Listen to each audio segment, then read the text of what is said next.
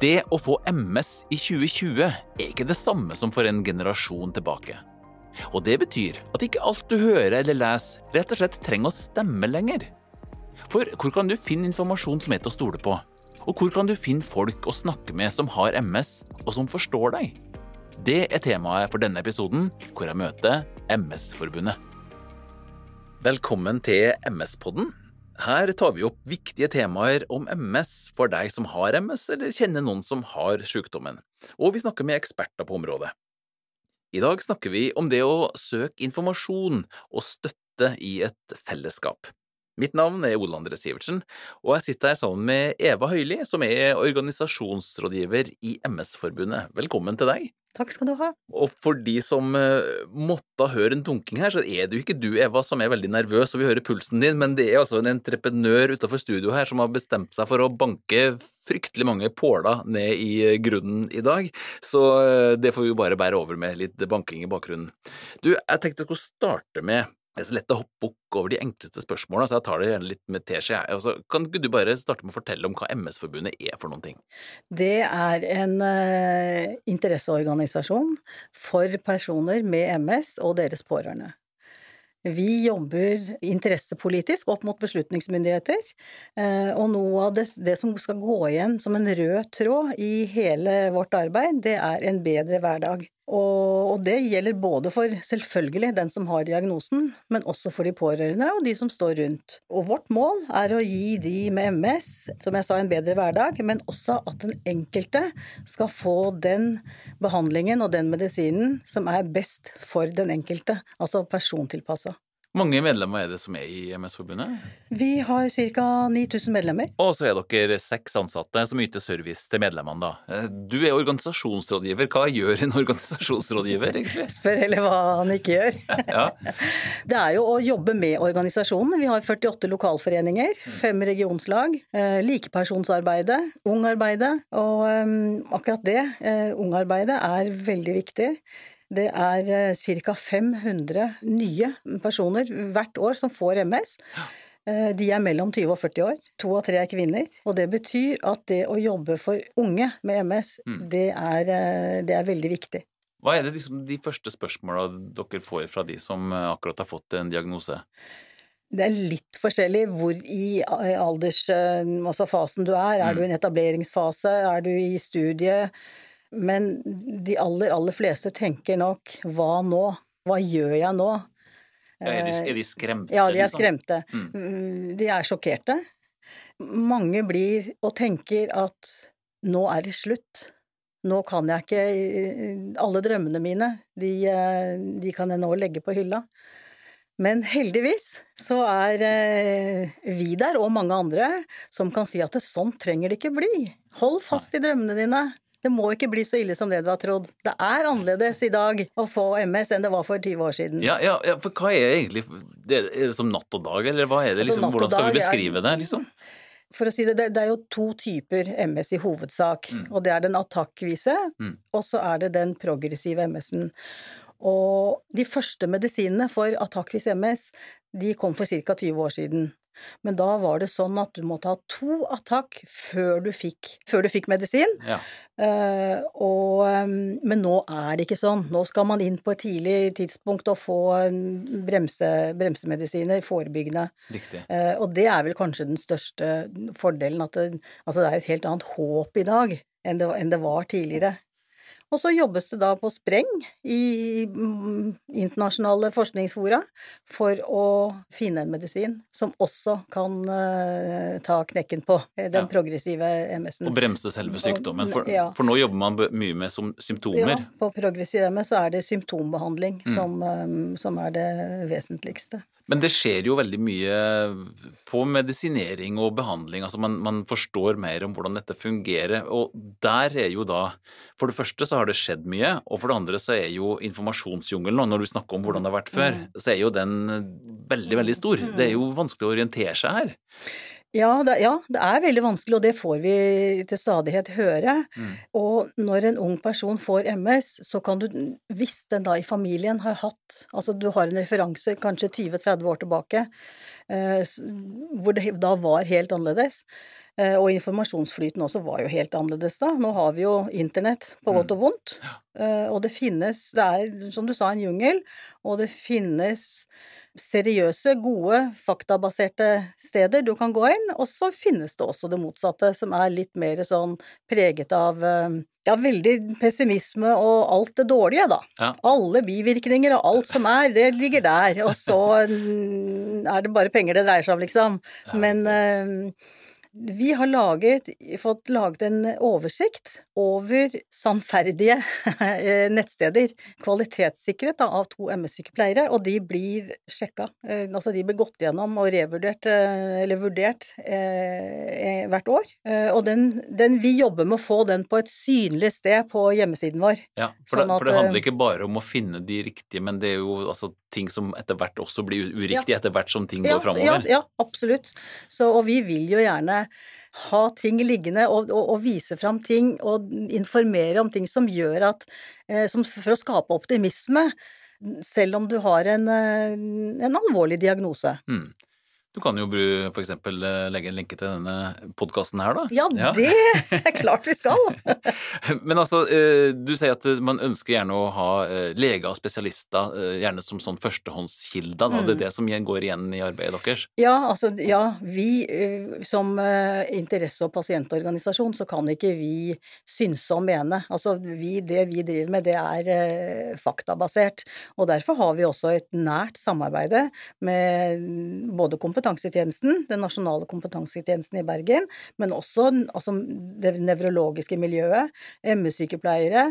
Og vi følger med, og vi eh, utveksler eh, informasjon, og, og, det må vi. Mm. Altså som seriøs eh, organisasjon så må vi følge med på det. Men jeg tenker, her er det jo, En ting er jo hva man legger ut på nett og hva man kan lese og sånne ting, men det mm. går jo også an å være i kontakt med dere direkte? Vi har eh, daglig, vil jeg si, telefoner fra Det er sånn at når du får diagnosen, så er det noen som vil vite mest mulig med en gang. Mm. Og så ringer de. Og jeg har hatt telefoner som sier 'Jeg kommer fra sykehuset nå. Jeg har akkurat fått diagnosen. Hva gjør jeg nå?' Eh, og så var det en som sa 'Jeg satt på trikken ned og googla, og så ble jeg kjemperedd, egentlig'. Men, men, og da kunne jeg fortelle han at Eller jeg spurte 'Vil du ha brosjyrer ja. på det som går på arbeidslivet, det som går på familie'? Det som, Kort sagt, det som Å leve med MS. Ja. Eh, og det var han veldig glad for. Og jeg fikk sendt en eh, informasjonspakke til han. Og noen er veldig informasjonshungrige med en gang. Mm. Andre fornekter det nok litt og lar det gå en stund, og så kan de ta kontakt. Men så er det også mange pårørende som tar kontakt. Altså, hva gjør vi nå? Eh, og der er det også veldig mange typer reaksjoner. Det kan være sånn at eh, den som har fått diagnosen, sier at nei, dette er min greie, dette skal ikke ektefellen min ha noe med, den skal ikke plage han med, okay, eller hun. Ja, ja. Men eh, så vil allikevel pårørende, de vil jo være der og hjelpe til.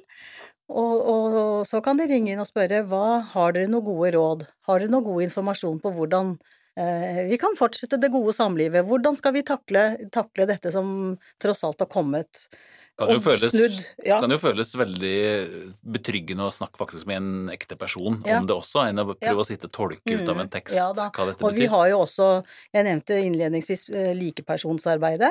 Det har vi delt inn i tre, for å si det sånn. Det er eh, personer som har diagnosen selv. Vi har en nasjonal vakttelefon to dager i uken, mandag og tirsdag. Eh, og så har vi da pårørendetelefonen. Og der sitter det pårørende, ektefeller, samboer, kjæreste, venn, som uh, svarer på, på, spørsmål. Og så har vi da, sist, men ikke minst, ungkontaktene våre. Ja. I hver lokalforening skal vi ha en uh, person, ung person med MS, som da er uh, en likeperson for andre unge med MS. For dere har 48 lokallag Mm. rundt omkring i Norge. Ja. Hvordan er det de jobber da, i motsetning til dere? Altså Er det da rett og slett personlig Det er det kan, Kontakt? Ja, altså det er medlemsmøter. Mm. Det er eh, treningsgrupper. Det er pizzakvelder for unge. Det er tema med ernæring, med trening. Altså det er det som opptar alle og enhver, egentlig. Mm. Og så har du da den erfaringsutvekslingen med eh, MS sånn eh, i etterkant eller i forkant eller For det er, jo en, det er jo en spesiell ting det å være i en relasjon til noen som eh, faktisk har den samme diagnosen som deg, og som eh, har kanskje kommet på et annet punkt i eh, skal si, det å bearbeide det at du har en sykdom, da. Og det er våre likepersoner. De vi, vi krever ikke forferdelig mye, for å si det sånn, men vi vil gjerne at de skal ha gått et likepersonskurs hos oss. Og så at de har et bearbeida forhold til egen diagnose, eller til det å være pårørende. Ja. Du må være i stand til å lytte, du må være i stand til å kunne eh, hjelpe videre på veien. Men det er klart, altså vi pleier å si at den vet best som har skoen på hvor den trykker. mm. Og det å da være i samme båt, enten med diagnose eller som pårørende, så er det klart at det er en, eh, en styrke. Altså du Det å kunne se litt lenger frem med å diskutere det med noen som eh, har vært akkurat der du er, Mm. det er eh, Og særlig de unge sier at det er helt gull verdt. Vi har noen samlinger. En gang i året har vi samlinger for unge med MS. Og det de sier, da får de litt faglig input, men det beste ved det, det er å treffe andre i samme situasjon. Det er, jo, det er jo lett å tenke at man skal formidle det positive og det optimistiske, men det kan jo eh, Jeg tenker jo det må jo være også godt å være forberedt på nedturene, da. Og det er klart, no, nedturer, det har vi alle, uansett i hvor i livet vi er, om vi er friske eller har en diagnose. Men eh, for en med eh, en person som har en kronisk eh, diagnose, en kronisk lidelse, så er det klart at eh, der står vel kanskje nedturene oftere eh, i kø. Men det å kunne se at det, det har faktisk Altså, man kommer igjennom det. Mm. Eh, Så vi har mye som går på kognitiv trening, som går på det å kunne bruke verktøy, tenke positivt gjennom de tunge dagene. Mm. Og dette handler jo mye om eh, skal vi si, det rent eh, sykdomsmessige, mm. men det fins jo også altså Man kan jo ta opp hvilket som helst aspekt, da, enten det handler om jobb ja. eller økonomi eller hva jobb, man måtte ja, ønske. og jeg tror også at en del eh, unge snakker da Altså, og unge i dette begrepet er fra 18 til 40 år. Det, det er i, sånn, I organisasjoner så er liksom ungdomsbegrepet 18 til 40. Og det er klart, er man 18-20, Mm. eh, så er du i en helt annen fase av livet enn når du er 30-40. Så det er klart at her blir erfaringsutvekslingen eh, forskjellig. Men eh, det kan jeg få barn? Kan jeg etablere familie? Klarer jeg å fullføre studiene? Vil jeg få jobb? Alle disse tingene som alle er opptatt av, men som selvfølgelig for en som da har MS, blir forsterka på en måte.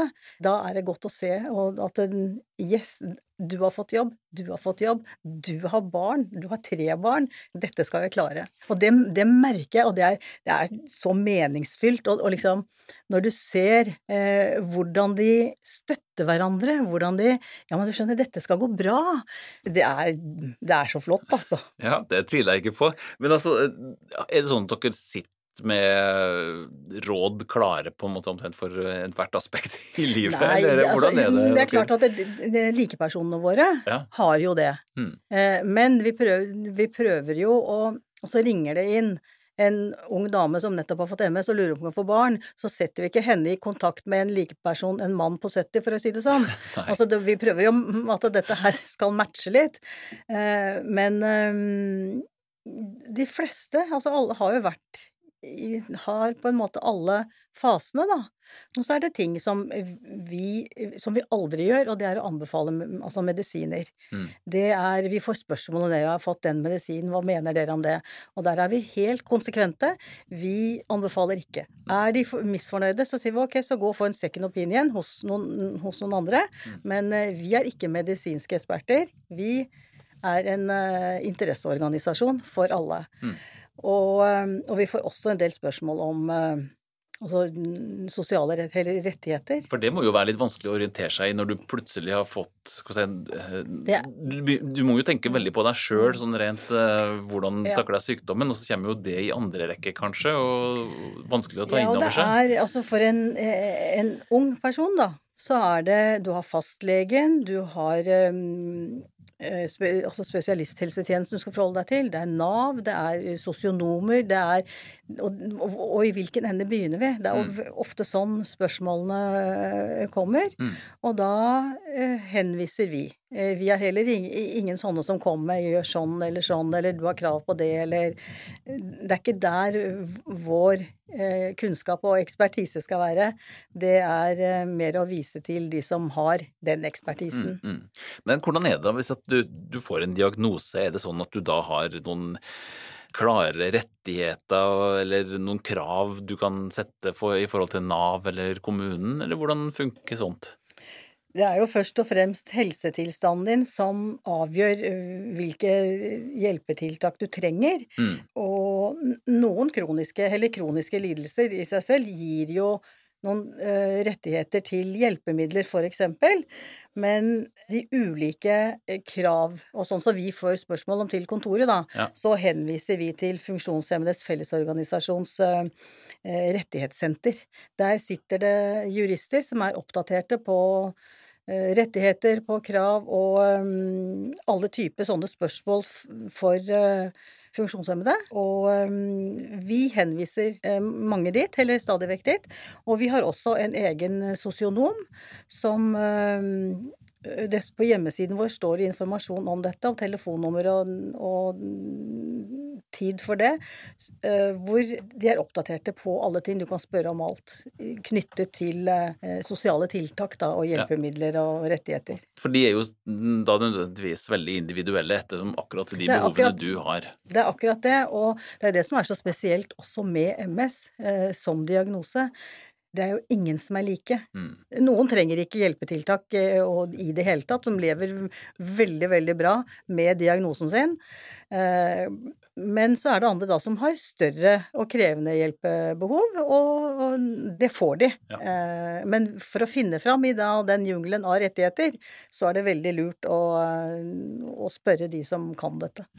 Da tenker jeg jo at folk reagerer vel også veldig forskjellig etter altså når de har fått uh, diagnosen. Om de blir veldig sånn uh, 'Dette er jeg rett på', eller det, handler det om de sjøl, hvordan de kommer til å oppleve sykdommen eh, på kroppen, eller altså Er det noen kategorier vi kan dele folk i hvordan de reagerer? Mm, jeg tror nok, for, for å si det først, at alle reaksjoner er like normale. Mm.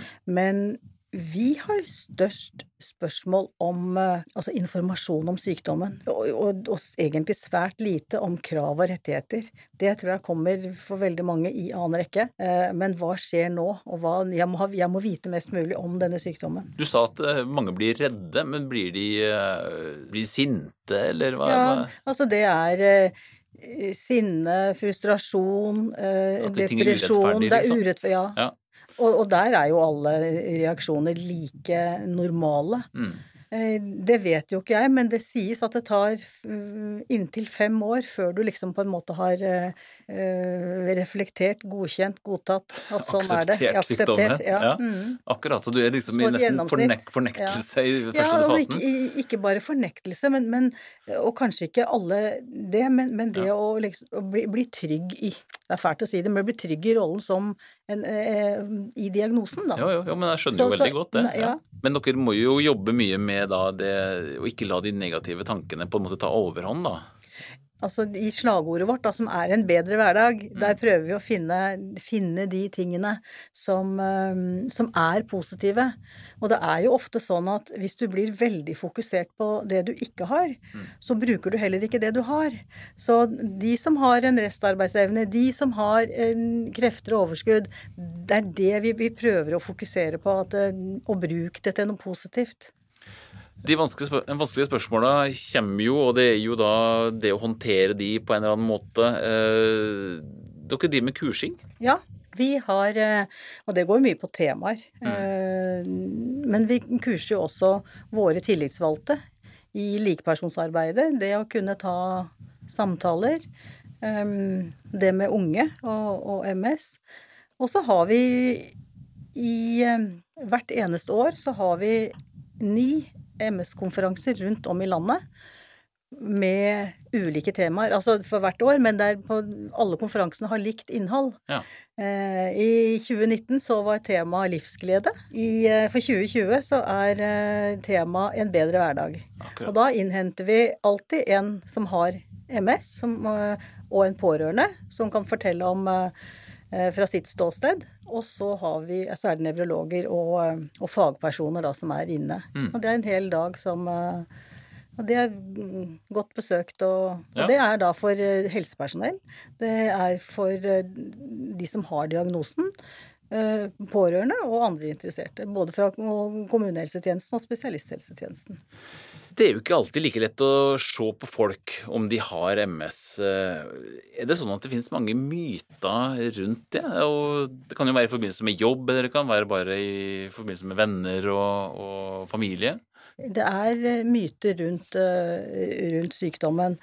Og veldig, veldig mange tror jo at du må bli forferdelig syk. Ja, må du ikke bli. på et tidspunkt, ja, på et liksom. tidspunkt så blir ja. Mm. Men så er det da underveis, altså sånn som med eh, Det er ikke alltid kreftene er like mm, er på topp. Og så For mange sier at eh, vi blir invitert til Det kan være vennelag, selskap, middager. Eh, vil du være med på kino? Og så har du ikke kreftene, så sier du nei. Og så til slutt så blir du ikke invitert lenger. Mm.